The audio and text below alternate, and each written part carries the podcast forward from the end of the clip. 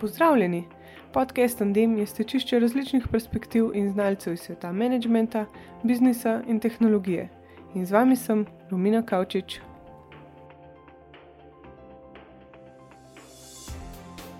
Kadrov, ki so ključni za uresničevanje strategij in razvoj, premankuje tako v Sloveniji kot v Evropi. Kaj je formula za uspeh v prihodnje? Radi pozabljamo, da se proces učenja ne ustavi, ko zapustimo šolska vrata, ampak je vse življenjsko učenje, formalno in neformalno, nujno za obstoj. Ekipe, kjer je dovoljeno gledati iz različnih zornih kotov, ki znajo prevzemati odgovornost in imajo sodelovalni pristop, bodo krojile prihodnost slovenskega in svetovnega gospodarstva.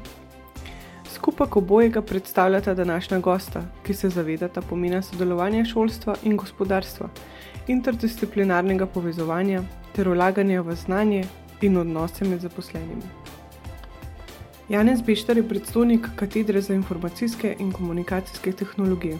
Doktoriral je leta 1995 na smeri telekomunikacije na Fakulteti za elektrotehniko Univerze v Ljubljani. Od leta 1996 vodi laboratorij za telekomunikacije, ki je najuspešnejši slovenski laboratorij na tem področju. V letu 2008 je bil izvoljen v naziv redni profesor. Znanstveno raziskovalno delo profesor dr. Beštra obsega področja naprednih tehnologij telekomunikacijskih omrežij, vključenosti oseb s posebnimi potrebami v informacijsko družbo, zagotavljanje dostopnosti do izobraževanja z e-učenjem, optimizacijo konvergenčnih aplikacij s poudarkom na več predstavnosti ter uvajanje novih internetnih storitev v zdravstvu, energetiki in šolstvu. Je avtor ali soavtor več patentnih prijav in osem podeljenih patentov. Aktivno je sodeloval pri ustanovitvi slovenske tehnološke mreže ICT, Centra odločnosti ICT, kompetenčnega centra Odprta komunikacijska platforma ter vzpostavitvi OpenLab in razvojnega centra IKT. Deluje v številnih mednarodnih tehnoloških povezavah in pobudah na področju informacijsko-komunikacijskih tehnologij ter si prizadeva za ukrepitev sodelovanja med šolstvom, znanostjo in gospodarstvom ter za vzpostavitev ekosistema talentov. Jože Torkar je po izobrazbi univerzitetni diplomirani inženir strojništva in magistr znanosti.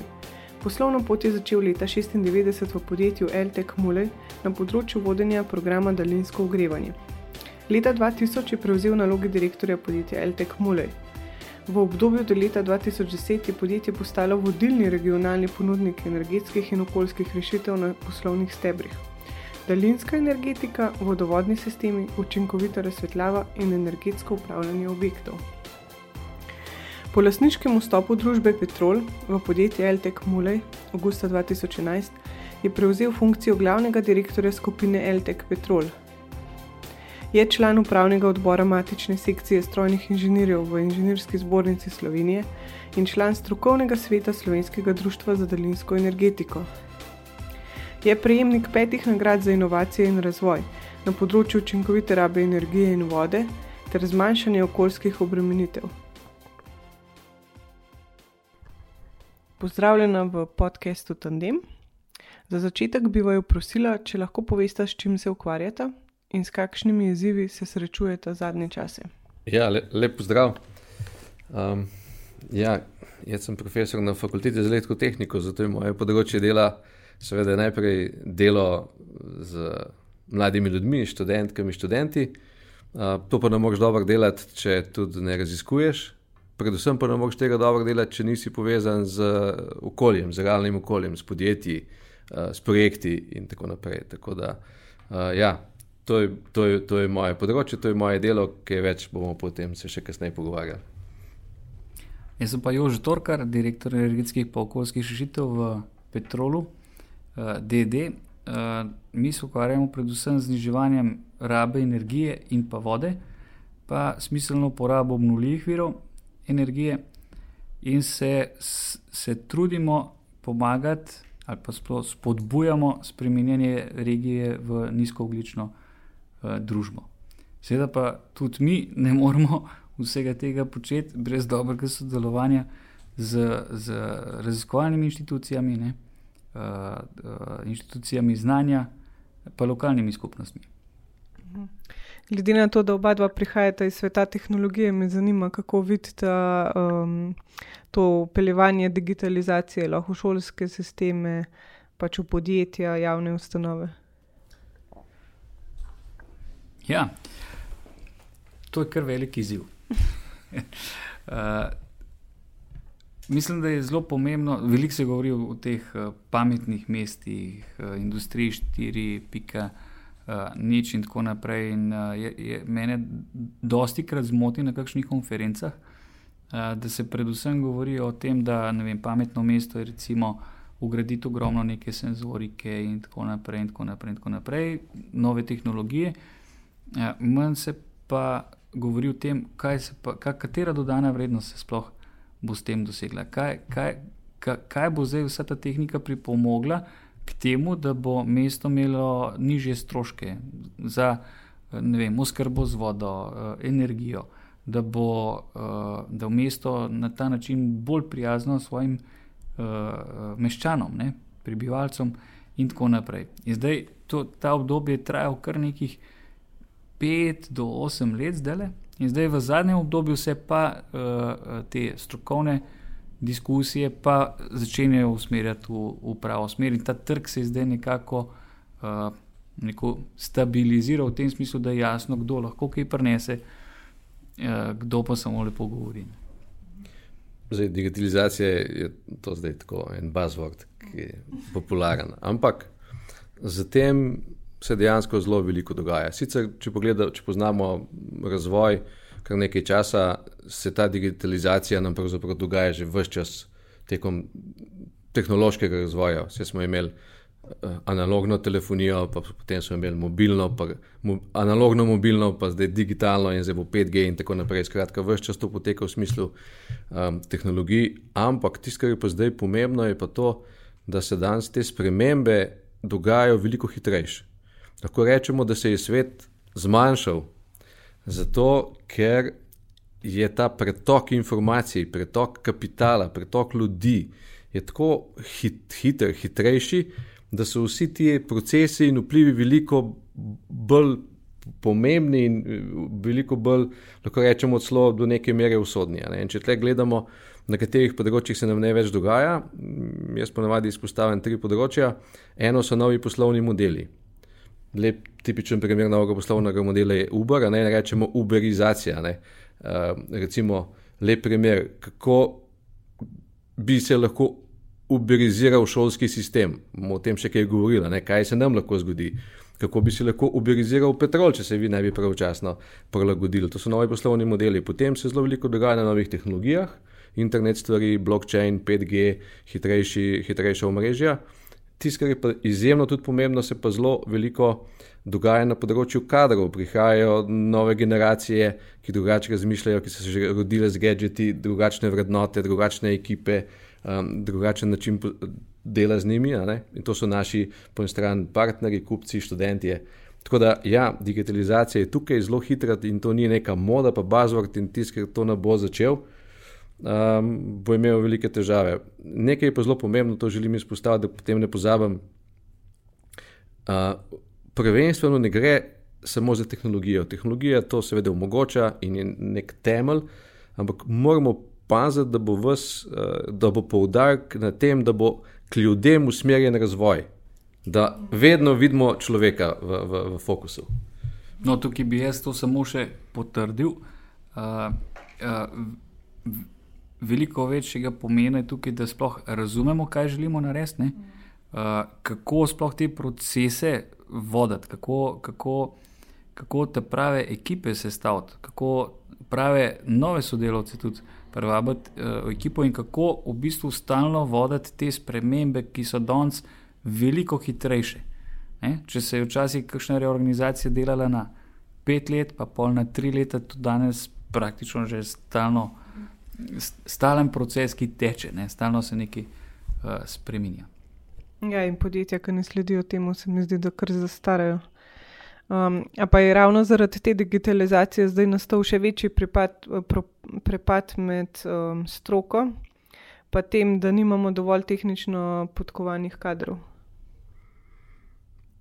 Ja, sigurno je, trenutno je tudi konjunktura ne, v gospodarstvu in če je konjunktura, se uh, išče več kadrov, več se zaposluje.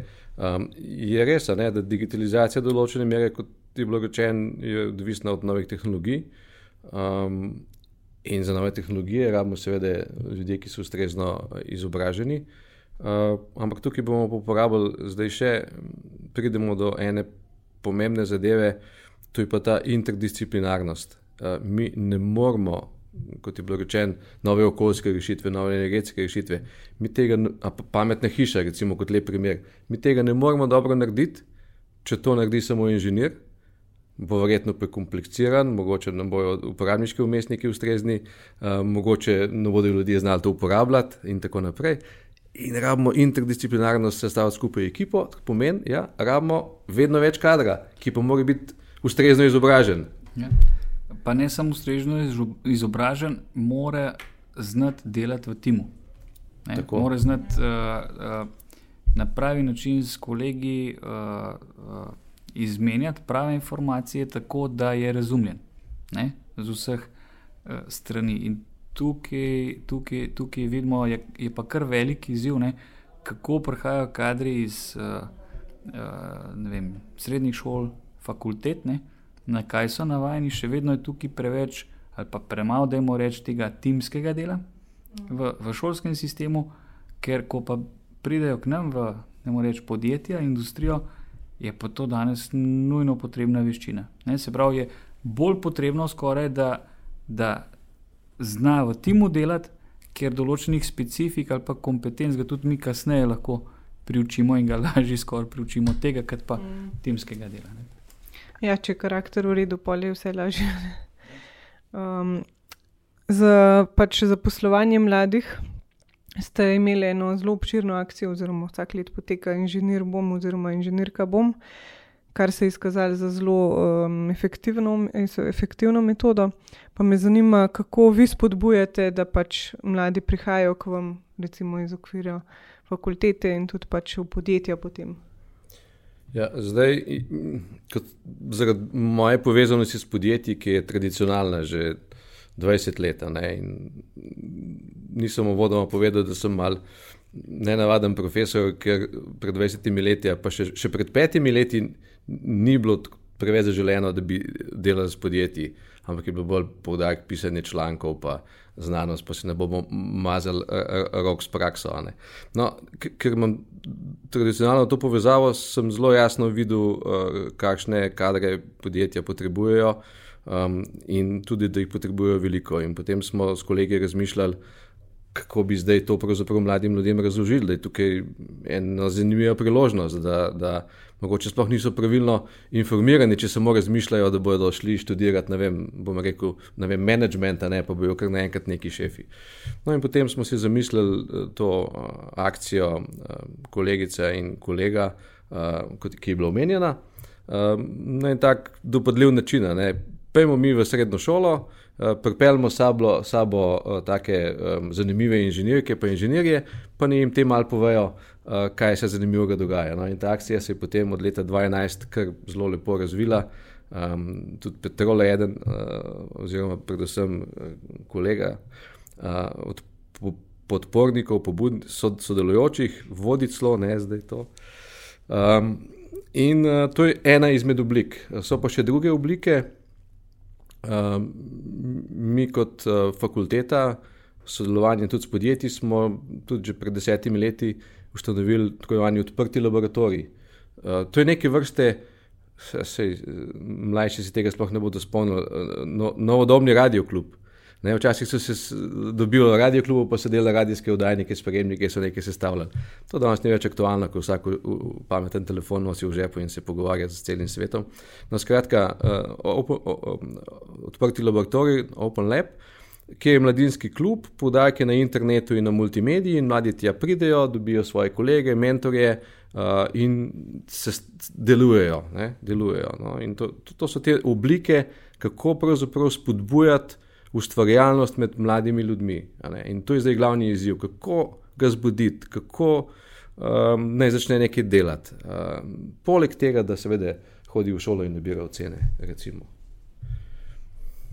Ja, zdaj, na naši strani smo pa tudi prepoznali ravno to inicijativo inženirke in inženirji bomo kot eno uh, zelo učinkovito metodo, ne, uh, kjer lahko v, v drugem, tretjem letniku srednje šole mlade dejansko navdušimo za neko naravoslovne uh, nas, uh, smeri ne, štu, študija.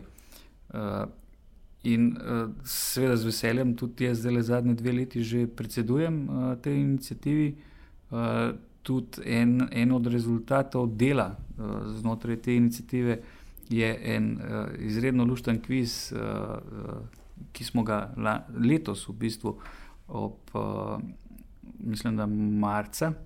Marca smo ga, smo ga uh, dali na, na pač to internetno stran in uh, imamo že pet, 500 tisoč reševalcev tega kviza. Kaj smo pa želeli s tem kvizom uh, povedati? Da v, med nami, ne, Slovenci, je ogromno raznih inovatorjev, ki so z veliko inovacijami uspeli, ne, svetovnimi inovacijami. Recimo, malo kdo ve, da je glavni inženir recimo, uh, največjega letala na svetu dolga leta. Ne. Džambo Džeta bil slovenec po rodu, ne? in tako naprej. In tako naprej. Skratka, To je tudi ena od teh stvari. Zdaj, v zadnjem obdobju poskušamo predvsem ženske navdušiti, da se več odločajo za, za te eh, naravoslovne smeri. Medtem ko v podjetjih se pa zelo trudimo uh, v sodelovanju z določenimi uh, uh, fakultetami in laboratoriji, pre, predvsem na tistih področjih, kjer imamo največji kadrovski manjko, ne sodelovati, uh, spet v čim bolj zgodnejših fazah uh, študija. In smo zelo veseli, če pol študenti pri nas delajo uh, diplomske naloge, magist, magistrske naloge in, in, in tako naprej, in se na ta način z nami spoznajo, uh, in mi z njimi, ne? in vidimo, ali smo pravi, ne? En za drugega. Um, zakaj pa verjamete sploh v ta koncept, um, da se mora teorija povezati s prakso že v zgodnih letih? pa je to zelo faks. Pač v srednjih šolah se ne podaja toliko poudarka, ampak na faksu se mi pa zdaj že bolj smiselno. Pa se to je pravzaprav najbolj logična stvar. Če, če mi, recimo, da bi, da bi mi samo brali kuharske knjige, ne, pa nikoli ne bi šli nad skuhati, potem, kaj še le, da bi pojedali, ne, potem bi nekaj, nekaj manjkalo. Ne. In podobno je neka šola, ne, ki gradi samo na teoriji in je, in je premalo povezana z okoljem, ne, počasi izgubi kontakt. Poleg tega je pa še zelo pomembno to, ne, ker že sam pristop je skozi projekt bolj učinkovit. Če, če, kako, izziv je, kako, danes je eden glavnih izzivov, kako pravzaprav enega mladega človeka zmotivirati. Če, če, če je motivacija, potem se stvari začnejo dogajati. In lažje se jih zmotivira skozi projekt, jih sestaviš, daš nek zanimiv izziv, ki ga recimo da podjetje, uh, jih sestavimo v projekt, najbolj je ta, ta ekipa še interdisciplinarna, jim damo ustreznega mentora, na katerega se lahko obrnejo. Tehnologija običajno ni problem, ker tega je na razpolago ogromno danes. Uh, in, in tako se dogaja. Tako da ta povezanost uh, s projektnim, to, to v bistvu bolj tako učeno, rečemo, obrnjeno učenje. Ne? Da začnemo mm. delati nek projekt in se potem o projektu pa, pa učimo. učimo. Uh, tako da to je, to je pravzaprav nujno, poleg tega pa. Če smo samo na teoriji, na en način ubijemo ustvarjalnost, ker rečemo, tole bom jaz zdaj povedal, to piše v knjigi, nauči se na pamet, ponovi za mano, da biš oceno. To za današnji čas ni nikakor več dovolj. Je ja, v bistvu ukolupmo pol te študente. To nima, veže, nima veze na katerem področju. Ja, jaz to. sem recimo imel osebno izkušnjo na fakulteti za strojništvo, kjer smo pri profesor Pekleniku uh, imeli možnost delati tretji in četrti letnik na popolnoma konkretnih uh mhm. -huh. Primerih. In smo tudi funkcionirali kot v, v podjetju. Imeli smo omejen budžet, imeli smo omejen čas uh, razvoja in v, mi smo v dveh letih morali ustvariti nek izdelek popolnoma enako kot je v enem podjetju. In Samo smo tudi študirali tak, tako v okviru dveh predmetov, smo tudi delali, smo imeli tudi več mentorjev, vsak za svoje področje. Uh, smo, uh, smo delali bistveno več kot ostali študenti, tisti, ki smo se za to odločili, vendar smo tudi vsi imeli zelo dobre službe, že preden smo doštudirali. Imeli smo pa tudi možnost, potem kot nagrado za ta trud, smo pa ena generacija imela možnost uh, praktično dvomesečnih, dvomesečnega absolventskega izleta na Japonsko, ena, ena v, v ZDA, in tam smo pa res imeli možnost priti in na najboljše uh, univerze, pogledati, kako to tam počnejo, ne, in v najboljše uh, razvojne centre svetovno znanih podjetij, kot so Boeing, Chrysler. Mhm. General Motors, John Deere in Caterpillar in podobno. Ne. Pa ste tam imeli tudi možnost, kaj delate, je bilo to pač. Ne, tam smo imeli uh, oglede, smo pa tudi dobivali ponudbe za, za zaposlitve, ne, tudi iz teh podjetij. Za eno smerno vozovnico. ja, praktično. Je. Ampak, um, okay, zanima me, kako konkretno pa vi mlade spodbujate. Vem, da imate tudi majkar lep, kjer pač mladi delajo na konkretnih projektih. A se recimo odpre neka možnost, da je en projekt, pa pa pač vi, ker imate toliko izkušenj, že veste, kateri študenti bi bili super um, za točno ta projekt, ali je to na njih, da se odločijo, če bi želeli sodelovati. Zdaj, mi se zavedamo, da največje bogatstvo, ki ga imamo, je to, da se nam vsako leto 300 mladih ljudi piše, pa še več na, na fakulteto, in da vmes so tudi taki, ki so sposobni uh, svet premikati. Um, in kaj, kaj mi na začetku naredimo? Ne, uh, eno je že to, kar smo govorili že prej, kako pravzaprav mi jih seznanjamo z možnostmi tega poklica, z perspektivo, da sploh pridejo k nam na fakulteto za elektrotehniko. Um, in to delamo skozi razne oblike, ki smo jih že deloma omenjali, skozi to akcijo inženirka in inženir bom, gremo tudi na srednje šole. Um, razna tekmovanja potekajo, imamo ta Open Lab laboratorij, ki je bil umenjen, ki je v Kranju, ki je namenjen bolj osnovni in srednji šoli in to. Ko pa jih imamo pri nas, potem pa jih seveda že od prvega dne povabimo, da rečemo, ja, mi vam bomo v okviru študijskega programa to in to seveda ponudili, ampak za tiste, ki pa želite nekaj več, imamo pa mi še to, pa to, pa to. Ne? In imamo razne dodatne delavnice, ki seveda tečejo v popoldanskem času, imamo vabljene predavatelje eh, od, od eh, vem, javnega nastopanja do uh, design thinkinga, do raznih tem. Um, in seveda imamo tudi kar precej predavateljev, vabljenih iz podjetij. In ta, te mladi ljudje imajo potem možnost zbrati. In seveda tisti, ki želijo nekaj več, ni, in so seveda motivirani, jim ni škoda tudi prostega časa in pridejo na delavnice, na predavanja. Za njih smo pa še posebej naredili študentski laboratorij, imenovan MakerLab, tudi po zgledu MakerLab, pač svetovna mreža, um, kjer pač dobijo neko osnovno opremo, računalnike, internet, 3D printer, orodje in take stvari. Dobijo tudi mentorja uh, in pridejo svojo idejo, po svojim projektom. Ne, to, to ni del obveznega sistema. In potem pač včasih razvijajo popolnoma neko svojo idejo, ki jo imajo, včasih kakšna firma pride in reče, ali bi lahko nekaj malo bolj na hitro sprototipirali, se to zdaj ni tako še formalno, poslovno in to študenti naredijo kot študentski projekt. Uh, in potem se to dogaja. Če se jim kaj zatakne, so zadnji laboratoriji, ki jih še več upreme, ljudje, ki še več znajo, lahko jim v svet skonektamo. Uh, no, in to zadevo bomo zdaj tudi nadgradili. Uh, poteka en projekt uh, FabLab mreža Slovenije, kjer naj bi postavili po Sloveniji enih začetek, recimo 25 takih laboratorijev, zato da bi mladi v svojem okolju imeli možnost bližje svojega doma um, srečevati podobne, imeti upremo, uh, ustvarjati. Da, na ta način, no, zelo konkretno, hands-on. Ja, pri nas pa, če zdaj govorimo o tistem delu, ko ko, ko že je nekdo znotraj petrola. Ne? Uh, imamo pa izredno dobro razvito, uh, men, izredno dobro razvit mentorski program, uh, pri tem, da želimo, da pobuda ne, za, za to, da nekdo želi uh, več ne, znanja pridobiti, več kompetenc pridobiti, prihaja iz njega samega. Ne. In, in potem ima vsak možnost praktično izbrati tistega mentora, za katerega oceni, da mu največ lahko pri tem pomaga. Tako da to, to je en sistem, ne, kjer, uh, kjer stalno, uh, stalno nadgrajujemo znanje tako uh, mlajše generacije, kot v zadnjem obdobju vidimo, da, da gre to zelo intenzivno v obe dve smeri. Pravi, uh, tudi mlajši, ogromno teh novih uh, znanj, nekompetenc uh, prenašajo na malce bolj, da moramo reči, zrelo uh, generacijo. Tako da to je za, za, za, za vse koristno zaposlene v petrolu. Potem imamo pa tudi različne, uh, se pravi, imamo že zelo četrto generacijo poslovne akademije Petrol, v kateri uh, vzgajamo bodoče vodje.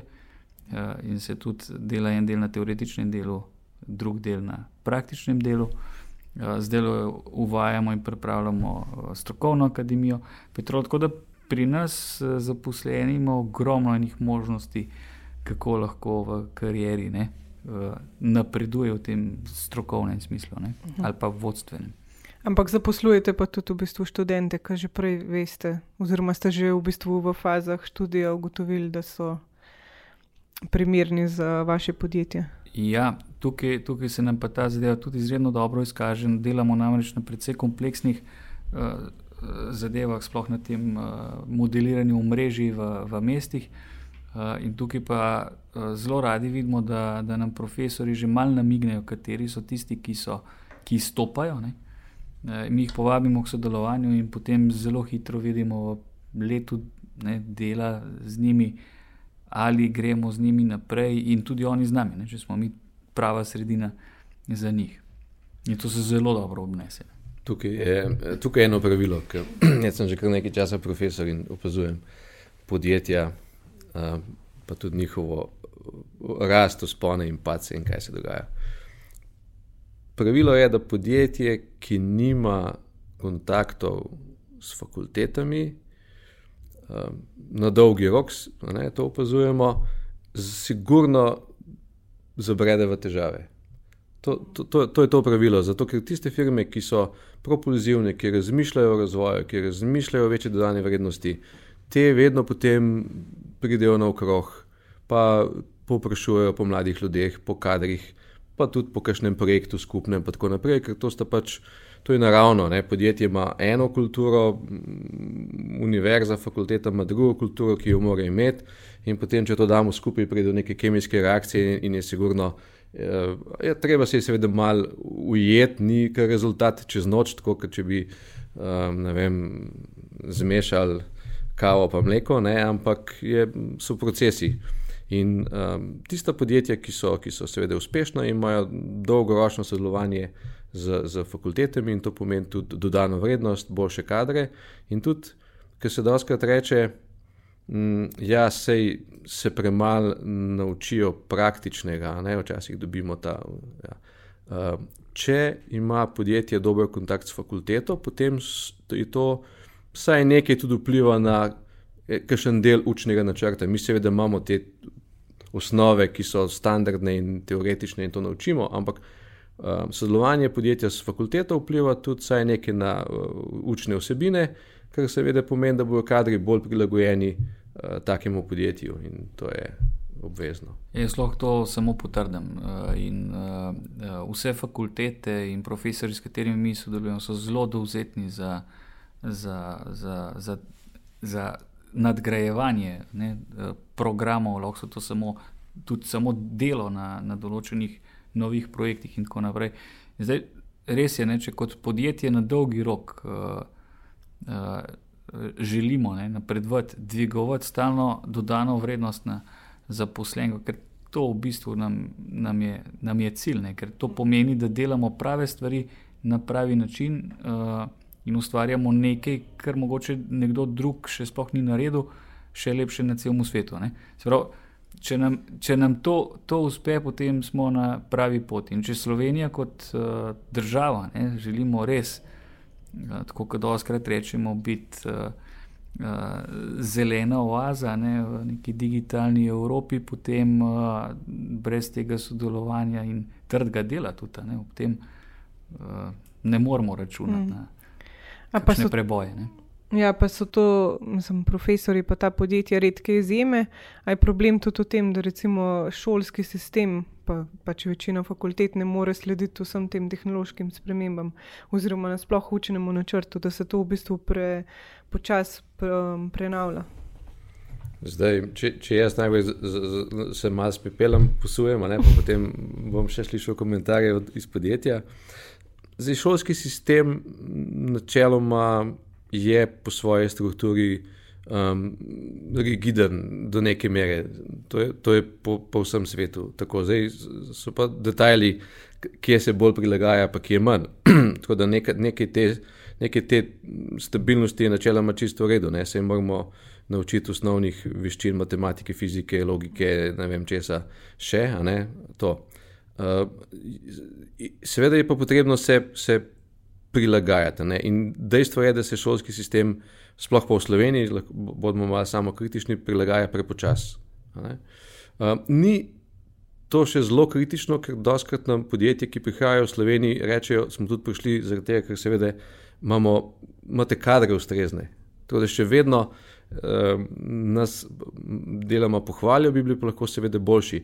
Da se bo pa šolski sistem hitrejš um, spremenjal, je pa spet nujen ta kontakt s podjetji. In podjetja so tista, ki, ki, ki um, po eni strani tudi ustvarjajo javno mnenje, katerih kadrov bi rabili več, katerih kompetenc bi rabili več, katerih kompetenc bi rabili manj. Tako da eno z drugim, mi seveda moramo pospešiti naše spremembe um, podjetja pa tudi um, morajo bolj povedati, kakšne kadre, kakšni bodo plani. Zdaj se vidi tukaj, da se kdo reče, ja, kaj pa danes vemo, kaj bi učili v uh, uh, srednji šoli, se bo takrat, ko bo ta človek prišel v službo, že vse drugače. To je samo izgovor. Ja, stroka bo drugačna, tehnologija se bo spremenila, ampak če bomo mi tega človeka naučili, da bo radoveden, da bo kritičen, da bo. Uh, ustvarjalen, da, bo, da, da, da, da bo se bo znal učiti, potem se bo te kompetence, ki sem jih zdaj navedel, bojo vse čas aktualne, še 20 let. In to jih je treba naučiti, ne? in tega premalo učimo v šolskem sistemu. De, dejstvo je, da se danes stvari uh, spremenjajo in vrtijo bistveno hitreje, kot so se še 10-15 let nazaj. In, in ključna stvar je, uh, da se uh, mlade, ne, nauči tega, da praktično se bomo učili celo življenje in prilagajali. In uh, to je dejstvo. In tudi podjetja ne morejo več računati na to, da, da bojo z nekim produktom deset let z isto stvarjo na trgu, ne gre več. Stalno se stvari, če druga ne se saj uh, nadgrajuje. Uh, uh, in, in je treba tukaj to zavedanje imeti, ne, če želiš biti na trgu uspešen. In en primer, kako smo mi, najprej smo omenili digital, digitalizacijo, pa tudi se reče, da je digitalna preobrazba, digitalna transformacija. Kaj smo mi naredili na fakulteti za elektrotehniko kot en del naše preobrazbe? Um, ugotovili smo, ne, da kljub temu, da je tradicija sto let praktično, da se je upisal v prvi elektrik elektrotehnike in da posodabljamo učne vsebine, da pa to le ni dovolj. In smo potem um, kar nekaj let je bilo priprav, ker smo rigidni ne, do neke mere, ampak smo uspeli uh, vzpostaviti nov produkt, nov študijski program in se zdaj zadnjih pet let dal pisati v prvi letnik študijskega programa Multimedia. To pa nismo naredili sami, naredili smo skupaj s fakulteto za računalništvo in informatiko. Tako približno tretjina so, ne, tretjina elektrotehnika, internet stvari, komunikacije, um, še kaj tretjino, recimo računalništvo, informatika, software in podobne zadeve. Tretjino smo opustili tudi za tako imenovane mehke veščine, od oblikovanja uh, AGRFT, uh, FDV in da ne naštevam vseh. Skratka, naredili smo en tak sodoben interdisciplinarni študij, naš nov produkt uh, in tako se prilagajamo. In odziv je fantastičen. Več kot dvakrat to kandidatov je vsako leto kandidat, kot, jih, upiše, kot jih upišemo. Um, dosegli smo skoraj polovico deklet, uh, opisujejo se zelo dobri, dinamika je super. Da, in kaj, kaj je zdaj, ne, po teh petih letih, gledamo, kaj to smo naredili, to je poudarek, skupaj z gospodarstvom, ker je tudi gospodarstvo nam dalo ideje, kaj bi bilo pa treba, in celo še več, gospodarstvo to tudi sponzorira, ta študijski program. Um, In na koncu je to kader, ki je idealen za digitalno preobrazbo, ker ima širši pogled na zadevo, ker, ker, ker, ker ne gledajo samo osko svojo stroko. Ja, v bistvu se vam zdi, da je naloga fakultete, da pripravi te mlade, da so pa bolj zaposljivi, oziroma da jim omogoča boljše možnosti že v času študija. Ne, jaz mislim, da mislim, v svoji osnovi da. Uh, vendar, če, če ta pobuda ne pride strani podjetij, kaj v bistvu sploh mi potrebujemo, kaj danes potrebujemo, kaj mislimo, da potrebujemo čez 4, 8, 12 let. Ne? Vse čez 12 let nihče ne ve v resnici, kaj, kaj potrebuje. Uh, inovativnost potrebujete, sigurno. Inovativnost potrebujemo. Prav, točno te stvari, ki jih je uh, Janez prej omenil, brez tega, uh, ne, brez uh, inovativnosti, širine, sposobnosti timskega dela, uh, iskrc v učeh, ne, če tako rečemo. Uh, to so te stvari, ki jih v bistvu potrebujemo. Ne. Odprtosti, da ni nekomu težko iti v, v tujino. Ne? ne moramo biti zaprti samo v, v Slovenijo, smo premajhni za kakšne rekel, večje preboje. Moramo nujno, nujno rotirati po Evropi, po svetu. Ja, kako bi pa aktivirali um, recimo, potencial sodelovanja večjih študentov, recimo različnih strok, pač inter, interdisciplinarno? Ker pač zdaj govorimo vse dokaj tehnološko, ampak že za razvoj, recimo petrola, oziroma naprimer, pametnega mesta, potrebujemo arhitekta, karinskega arhitekta in tako naprej. Ja, ja. Sociologa, antropologa, psihologa, ja, ja. ne vem, kaj še vse. Zgodovina. Vse, vse, vse potrebujemo. Vse, vse. Kdo bo začel?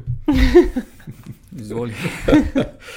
ja, sej, je preprosto, pa ni preprosto. Ne? Preprosto iz tega stališča, da, da rečemo uh, projekt. Ko, se, ko rečemo projekt, hitro ugotovimo, koga bomo rabili, da bo ta projekt uspešno speljan. Um, več strok, več mentorjev tudi po strokah, podjetje, ki razume, ki, ki je zadaj stoji za tem projektom, zato je to motivacija. To je lažje, to, to je koncept, ampak zdaj to izvest, kako sistem še ni šolski na to pripravljen, um, da bi to interdisciplinarno skupaj izlagal, ne? najbolj se vsaka šola za sebe skoraj počuti. Uh, in sicer bolonski sistem, ne, če ga omenjam, ker večina si, lahko rečemo, da ni, bil, ni najbolj posrečen, ampak je v svojem jedru pa imel uh, dve stvari. Ena je bila ta, uh, prihodnost, da si lahko imaš točke in lahko prehajaš od, iz študijskega programa na drug študijski program. To ni najbolj zaživelo. Če bi to zaživeli, bi lažje delali take interdisciplinarne projekte. Dobra stran tega bolonskega projekta pa je, da se lahko te izmenjave stojino, to pa kar precej dobro teče. In seveda, eno je, da, so, da se doma zlagajo skupaj študenti različnih strok na projekt, drugo pa je, da te študenti, da še kakšni študenti iz tujine pridejo, pa naše gredo v tujino. In Tako da projektno delo, pa dobro povezano s šole za gospodarstvo, se zdi, da, da, da je tista uh, zadeva. Dokler vsaka šola za sebe ni sodelovanje. Ja. Z naše strani, predvsem, lahko damo ta input in izkušnjo, uh, uh, kaj vse je potrebno, da se ustvari en izdelek ali, ali pa kreira ena storitev, ki je na trgu lahko uh, uspešna, prodajljiva. Ne? Ker na koncu ne lahko nekaj razvijamo, pa če nismo sposobni prodati, pomeni, da nismo uh, sploh znali posneti, kaj, kaj uh, kupci potrebujejo. Ne? In uh, to je tista glavna stvar, input, ki jo pa lahko damo, ne takrat, ko kreiramo to vrstne projekte. Zdaj, nekaj stvari smo v zadnjem obdobju, rečemo lahko zadnjih nekaj let, že, že vzpostavili in jih bomo še bolj intenzivno vzpostavljali. Ker vidimo, da vsaka taka izkušnja že v času študija uh, iz, iz, izjemno veliko prinese ne, k temu razumevanju, da ko potem uh, študent pride v podjetje, razume že po defaultu, ne, kaj v bistvu potrebujemo ne, in da je potrebno to sodelovanje. Torej, se morajo že na začetku postaviti neki pogoji, ne vem, da postavite KPI-je ali pa neko obdobje, koliko časa lahko študenti to delajo oziroma je spet mentor ja. tem študentom. To, je, eh, to, to v bistvu mora biti že postavljeno, ko se projekt definira. Mm. Se pravi, sama projektna naloga mora že v sebi nositi vse te uh, omejitve, pa tudi uh, uh, kazalnike uspešnosti, da se znamo zmeriti. Ja, ne sprašujem, predvsem iz vidika, naprimer, če gledamo, da študenti niso tako izkušeni v ustvarjanju podjetij, oziroma pridejo recimo v drugem letniku in mogoče ne predvidite, da bodo rabili dvakrat več časa, ali pa ne, mogoče bodo celo hitrejši. Recimo stvari, ki se izkažejo kasneje. To, to, je stvar, to je stvar pravilnega pristopa, in tle imamo izkušnjo, da je to par, par nivojev. Zdaj, mi študentom lahko damo bolj preprost projekt, kjer pokažejo svojo ustvarjalnost, bolj v začetni fazi, pa dajo ideje, pa sploh ne zahtevamo še od njih, da bi zdaj pa začeli tudi programirati, pa da na koncu mora stvar delovati. Pa si pač damo tak cilj, recimo, da je to uh, en semester, uh, tri mesece in uh, mentor, in se to dela. In, in, se, več, in se tudi umijo, da vsem bomo prišli, več naprej ne. Če gremo s projektom v MakerLab, aha, že rečemo, do takrat pa do takrat bi pa tole morali delati. Um, druga taka oblika, ki, ki, ki je kar popularna, so kakšni taki hekatoni ali pa študentski projekti, ker jih skrb zložimo, pa jih zmotiviramo in potem delajo dva dni, dan in noč, na koncu je pač tam neka komisija, ki podeli nagrado in oceni, kaj so naredila. Ne. So pa še potem bolj pa resne variante, ker pa recimo že um, podjetje sklene s fakulteto neko pogodbo, da bo pa to zdaj projekt, ki bo pa na koncu šel na trg. In tam, seveda, se pa tudi do določene mere da študente vključiti, seveda se jih tudi plača potem. Um, in potem pa dobivajo tiste izkušnje, kaj pa je potem za res. Tako da treba prilagoditi nivo izkušnjam. Hmm. In, tako, ne, ja, in tukaj je tudi odgovornost večja. Seveda, in tako. tako, ja. tako da, izkušnje treba imeti in biti ravno prav. Da se lahko izživijo, ampak da ne pomagajo. ampak, ko pridejo pa znotraj, pač recimo Petrola, imate pa spet drug princip dela. Pač prej ste že omenili, da dobijo mentorje, oziroma da se lahko pol izobražujejo, pa verjetno imajo neko obdobje. Recimo šest mesecev, šest mesecev ja, običajno, ko pridejo v podjetje, je, je šest mesecev uvajalno obdobje in v tem uvajalnem obdobju vsak dobi uh, svojega mentorja, ki ga uh, spremlja v tem uh, obdobju. Uh, zdaj, to, to je samo ta čist redno uvajalno obdobje. Uh, tisto, kar sem že prej omenil, tudi kasneje, kadarkoli lahko vsak zaposleni uh, izrazi željo potem, da bi dobil enega mentorja, oziroma si ga izbere in oceni, kdo je zdaj tisti, ki ga mogoče on vidi. Aha, v smislu, tole bi bilo pa super, da bi bil jaz enkrat tam, ne, kjer je ta človek, vem s kompetencami, ne, znanjem svojim in, in tako naprej. In potem z veseljem spremlja mentor na, na tej poti in se mentor ob tem tudi, eh, tudi ogromno nauči. Jaz sem dostim zaposlenim bil že mentor in jaz moram, eh, nisem čist pripričan, ali se več naučim jaz ali se eh, oni od mene. Ne. Mislim, da ta energija ne, gre vedno v obe dve stvari, če je ta mentorski program in pa mentorstvo pravilno uh, zastavljeno. Po drugi strani imamo pa potem to, kar sem že omenil, ne, v, v tej poslovni, recimo Akademiji Petrol, tam pa tudi ustvarjamo time po pet uh, članov, ne, je v enem timu, tam se pa dela na popolnoma resnih nalogah, ki so čisto v skladu z strategijo, ki jo imamo kot Petrol zastavljeno, in tam imajo eno leto časa in omejene eh, resurse, da pridejo na konc do, do, do izdelka. Ne. Mhm. Pa to je znotraj sam pač, ne vem, nek inovativni tim, ali znotraj vsake nekega področja, recimo energija. Ja, ne, ma v bistvu ta uh, poslovna akademija Petrol ima več namenov. Ma, ma prvenstveni namen je povezovati različna področja med seboj. In mi, mi tukaj enkrat na dve leti zberemo 25 uh, mladih uh, potencialov. Ne, uh, talentov znotraj, uh, znotraj Petrola, uh, in potem uh, uh, z njimi, z njimi uh, tečemo eno leto, tako, tako teoretični kot praktični del. Ne. Oni se v tem obdobju spoznajo z vsemi področji v, v Petrolu, zelo na neke vrste mreženje, povezovanje. Ne. Uh, uh, na drugi strani pa delajo na petih uh, projektih, kjer smo pa zopet zraven mentori iz Petrola in mentori iz uh, fakultet. uh, in jih v roku enega leta v bistvu potem pripeljemo do izdelka na koncu. In na koncu je podobno, kot prihajka to na tekmovanje, samo da oni potem to Aha. predstavljajo naši upravi in uprava izbere. Potem najboljšega. To je samo ena. Imajo pič. Ena, ena ja, pič imajo, dejansko je to pič in to pred upravo. Mm. Ja, to je pa spet odlična promocija, potem, ne, da se lahko ja. tam predstavijo. No, pa tudi uh, super uh, pobuda za vse nove projekte. Ne? Tako je. Ja. Um. kakšna ideja uh, sveža pride iz, teh, uh, iz te akademije. Uh, pa načeloma delate to samo z mladimi, ali so mešane ekipe? Ne, to so, recimo, mi imamo uh, omito, da če se želite prijaviti na to akademijo, da ste mlajši od 40 let in uh -huh. da mhm. imate visoko stopno izobrazbe. Uh mhm. -huh. Ker oni na 40 že ful znajo. Uh, Mislim, pač so verjetno mentori. Ja, predvidevamo, da bi takrat pa, ja, mm. morali biti že uh, mentori, in imamo pa spet druge programe za, za, za, za tiste, ki smo na 40 let. Že, uh -huh. um, zdaj me pa zanima, da pač veliko teh pobud prihaja tudi iz Evropske unije, pa tudi verjetno imajo tudi dosti projektov, sredstev. Pa me zanima, ali je to efektivno, oziroma se fakultete rade poslužujejo tega načina financiranja. Pa na nek način v bistvu tudi uh, Evropa sledi nekim trendom, pa pol Slovenija za njo, seveda.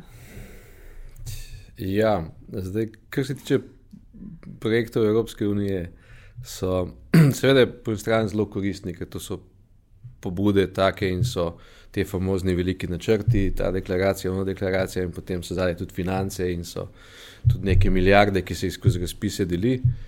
Um, je pa s temi projekti določena težava, mi jih seveda se tudi na njih prijavljamo in jih tudi kar nekaj pelemo, tako da jih poznamo. Um, in to mi kolega, profesor iz Tunisa, že pred desetimi leti povedal. Rekel, lete, pri evropskem projektu je en meter visok kup papirja, ne, pa dosti krat na mizi ni nobenega izdelka. Ne. Drugi, recimo celo Amerika je potem znana, ne, je pa zelo malo papirja na mizi, ampak je projekt, produkt, rezultat na mizi. Tako da dosti krat je tukaj, seveda, pozdravljamo to, oblike so zanimive, mrske se dela in je nujno samo, če bi se pa ta birokracija, pa to pisanje poročil zmanjšalo, pa bi se več delalo na vsebini, pa na oceni, kaj je nastalo, da bi se želeli to uh, sproduktivizirati industrijsko, bi bilo pa to zelo pomembno. Že omenjamo evropski projekt, se bom še en, eno stvar dotaknil. Zelo veliko denarja zdaj iz evropskega posredno se v Sloveniji troši za to, da bi se bolj usposobili ljudi, uh, da bi se pripravljali na te spremembe digitalne dobe, da bi digitalne kompetence pridobili in tako naprej. Uh, kar milijoni in milijoni se trošijo skozi razne sklade. Um, ob tem pa smo mi dali eno zelo preprosto pobudo, ki pa ni bila ne, sprejeta še, da bi bilo pa treba to izvajati na digitalni način. Torej, če ti organiziraš delavnice za ljudi, da se bojo nekaj naučili, a si ti te delavnice mogoče da boš še posnel, a si to gradil v nekem odložu, a si začel delati neko bazo digitalnega znanja. Ne? In bi bilo treba v tiste razpise, ko se v tem javljajo firme za izvedbo, samo dati eno ali ne, da gradivo mora biti v elektronski obliki in javno objavljeno. In to naši uradniki na ministrstvih še niso uspeli vzeti. No, vse to je ta izziv no. digitalizacije. Še. Ja, seveda. Ja. Učimo za, za digitalizacijo, samo so fajn, če bi na digitalen način mal. Mi tudi sodelujemo ali pa celo vodimo neki projekt v okviru Horizon 2020. Uh, so to projekti, ki, ki so tako reč, razvojno naravnani, računamo na, na, na, na aplikacije, pol kasneje, ne, se pravi v obdobju petih do do desetih let, medtem ko na tistih stvarih, ki jih porabimo danes, jutri, eh, tam pa sami vlagamo v, v razvoj tovrstnih produktov in uh, storitev, se povezujemo tako z domačimi, kot tujimi uh, start-up podjetji, ki prihajajo z raznimi inovativnimi rešitvami, ki jih mi lahko vključimo v, v, v, v svoje storitve. In pa sodelujemo s kar nekimi multinacionalkami, ne, ki so pa rekel, uh, vodilne na tistem področju, na katerem tudi mi delujemo ne, in tam, tam imamo pa dolgoročna partnerstva. Uh, mi predvsem prenašamo njim potrebe, kaj rabimo danes, kaj bomo rabili jutri. Smo uh, beta testeri potem določenih uh, produktov, ne, razvojni partnerji in tako naprej. No, se ravno en teden nazaj ne ste zmagali s projektom Tango. Uh, ne, ni, sodelovali smo Mislim, na, na, na, ste. utility, na Utility Viku uh, na Dunaju. No, to, to je na, res en zanimiv razvojni projekt, bil, ki smo ga v Petrolu peljali. Štartali smo ga pa zaradi tega, ker uh, mi štiri leta nazaj nismo mo, mogli dobiti pravega orodja, ki bi lahko podporil našo tako intenzivno rast, kar se nas v zadnjem obdobju dogaja. In smo potem uh, pristopili sami k razvoju tega uh, uh, s slovenskim podjetjem Smartis tukaj iz Ljubljane, pa seveda podporo tudi uh, IBM-ovega, rekel, uh, teh platform v, v ozadju. In gre dejansko za slovenski uh, produkt slovenskega uh, znanja, ne, ki lahko rečemo, da je zdaj kar ena, ena pomembna novost ne, na tem področju pametnih mest. In tako naprej, in mislim, da smo razvojno odskočili zdaj le z novembrom, ko smo ta produkt dali prvič tudi na trg uradno. Zato naj se mladi kar parjavijo ja. za delo. Ja, ja, sej, tukaj, tukaj resnično rabimo ne, uh, uh, zelo različna znanja. Ne. In zdaj smo postavili v bistvu stvar, na kateri lahko resno začnejo delati tudi uh, podatkovni znanstveniki, rudari, različni analitiki. In tako naprej. In, uh, stvari, ki smo jih včeraj delali na en način, želimo v, v zelo bližnji prihodnosti delati na precej drugačen, bolj napreden način. In pri nas, jaz doskrat rečem, ni vam treba iti v Google, ne, lahko te ja. svoje ustvarjalne žilico, to svojo ustvarjalno žilico živite, kar pri nas v Petrolu. Ja, vsekakor zanimiv izziv, po mojem. Um, zdaj me pa zanima, kako vidite poklice prihodnosti, ali so povezani s tehnologijo. z roboti. no, jaz sem recimo šel uh, študirati mehatroniko ravno zaradi tega, ker sem, uh, ker sem se v teh mladih letih navduševal nad, nad uh, roboti. Ne. Sem potem pristal čist v, na drugem področju, ne energetika, ampak zaradi tega znanja mehatronike, ki sem ga imel, sem jaz to uspešno združil in na koncu nastala tudi ena inovacija, ki jo danes praktično cel svet uh, uh, uporablja in tako naprej. Uh, ampak, če zdaj gledamo, ne, kaj, kaj se v prihodnosti dogaja, jaz še zmeraj verjamem, da moramo kot človeštvo znati uporabljati isto zdravo kmečko pamet, tehnologijo uporabljati v, v dobro ljudi in jo ne zlorabljati. Uh, uh, tukaj sem jaz doskrat postavljen, sam sebe postavljam pod raz, različne dileme, vprašanja. Ne. Do, do kje iti. In vedno razmišljam tudi, ali lahko nekdo tudi zlorabi to, ne? ker zdaj ta množica vseh podatkov, ogromno stvari se da narediti. Če želite stvar zlorabiti, lahko fej zlorabite. Jaz, jaz sem tukaj optimist. Mislim, da, uh, da gremo v pravo smer. Uh, mislim, da tukaj so predvsem pomembne vrednote, kot so uh, spoštovanje, ne, srčnost. Uh, sodelovanje ne, in tako naprej. Mislim, da ja, gremo, gremo v pravo smer. Tudi če bojo roboti to imeli, bo v redu. Ker vse jih pač mi učimo. Ne? Ja, roboti to še za res um, dolgo časa ne bodo imeli. In to je bilo zdaj tako dobro povedano, da bom kar mal um, ponovil. Um, ja, če postavimo v središče človeka, pa njegov način del, delovanja, ne, potem tudi malo vidimo, kaj bi lahko bili poklici prihodnosti. Ker stroji še dolgo časa ne bodo mogli spostaviti take interakcije, kot jo mi vzpostavimo med sabo. Um, in te vrednote, ne, mi lahko na en način bi sprogramirali vrednote v umetno inteligenco, ampak to ni to. Um, tako da ljudem vrednote, dodatno bi pa dodal še to, če bi razmišljali, kaj pa zdaj poklic prihodnosti. Um,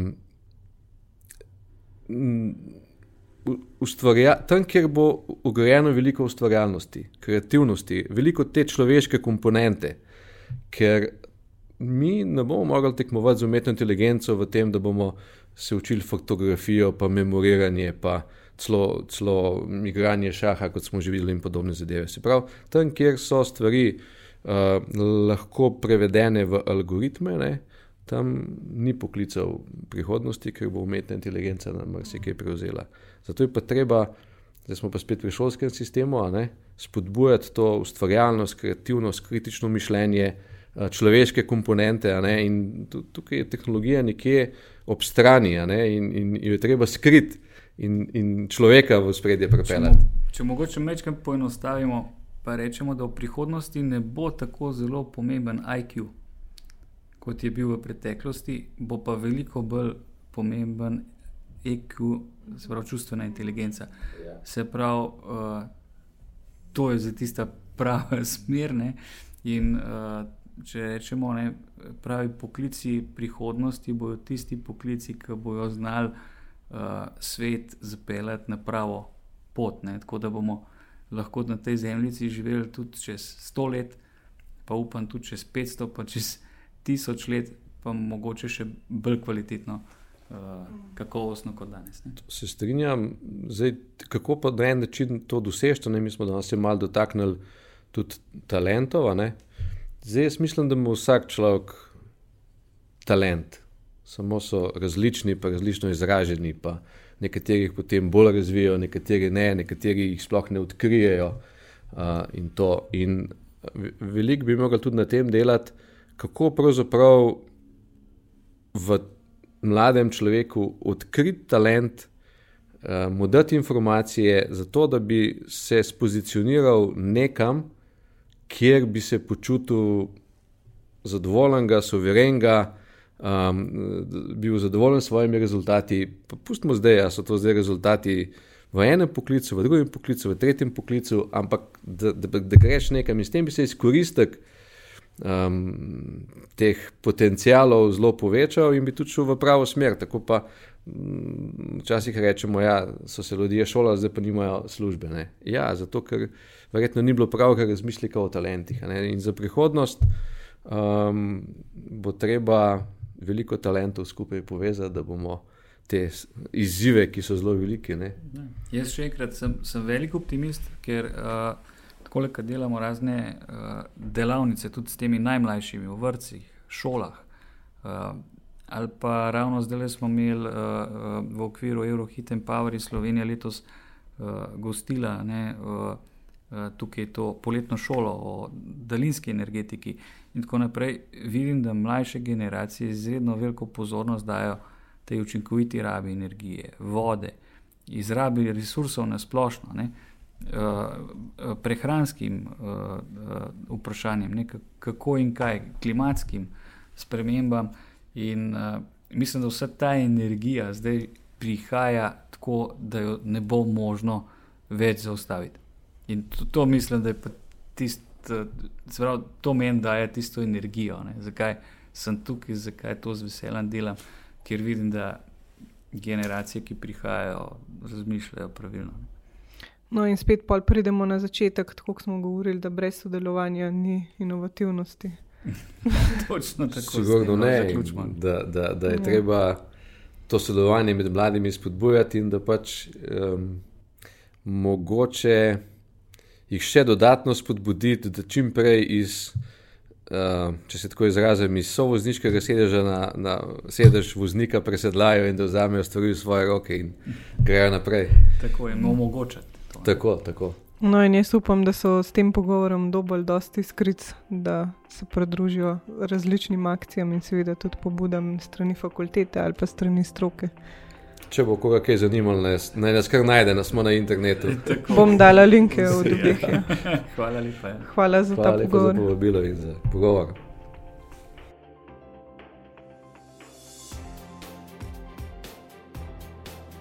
Hvala za poslušanje.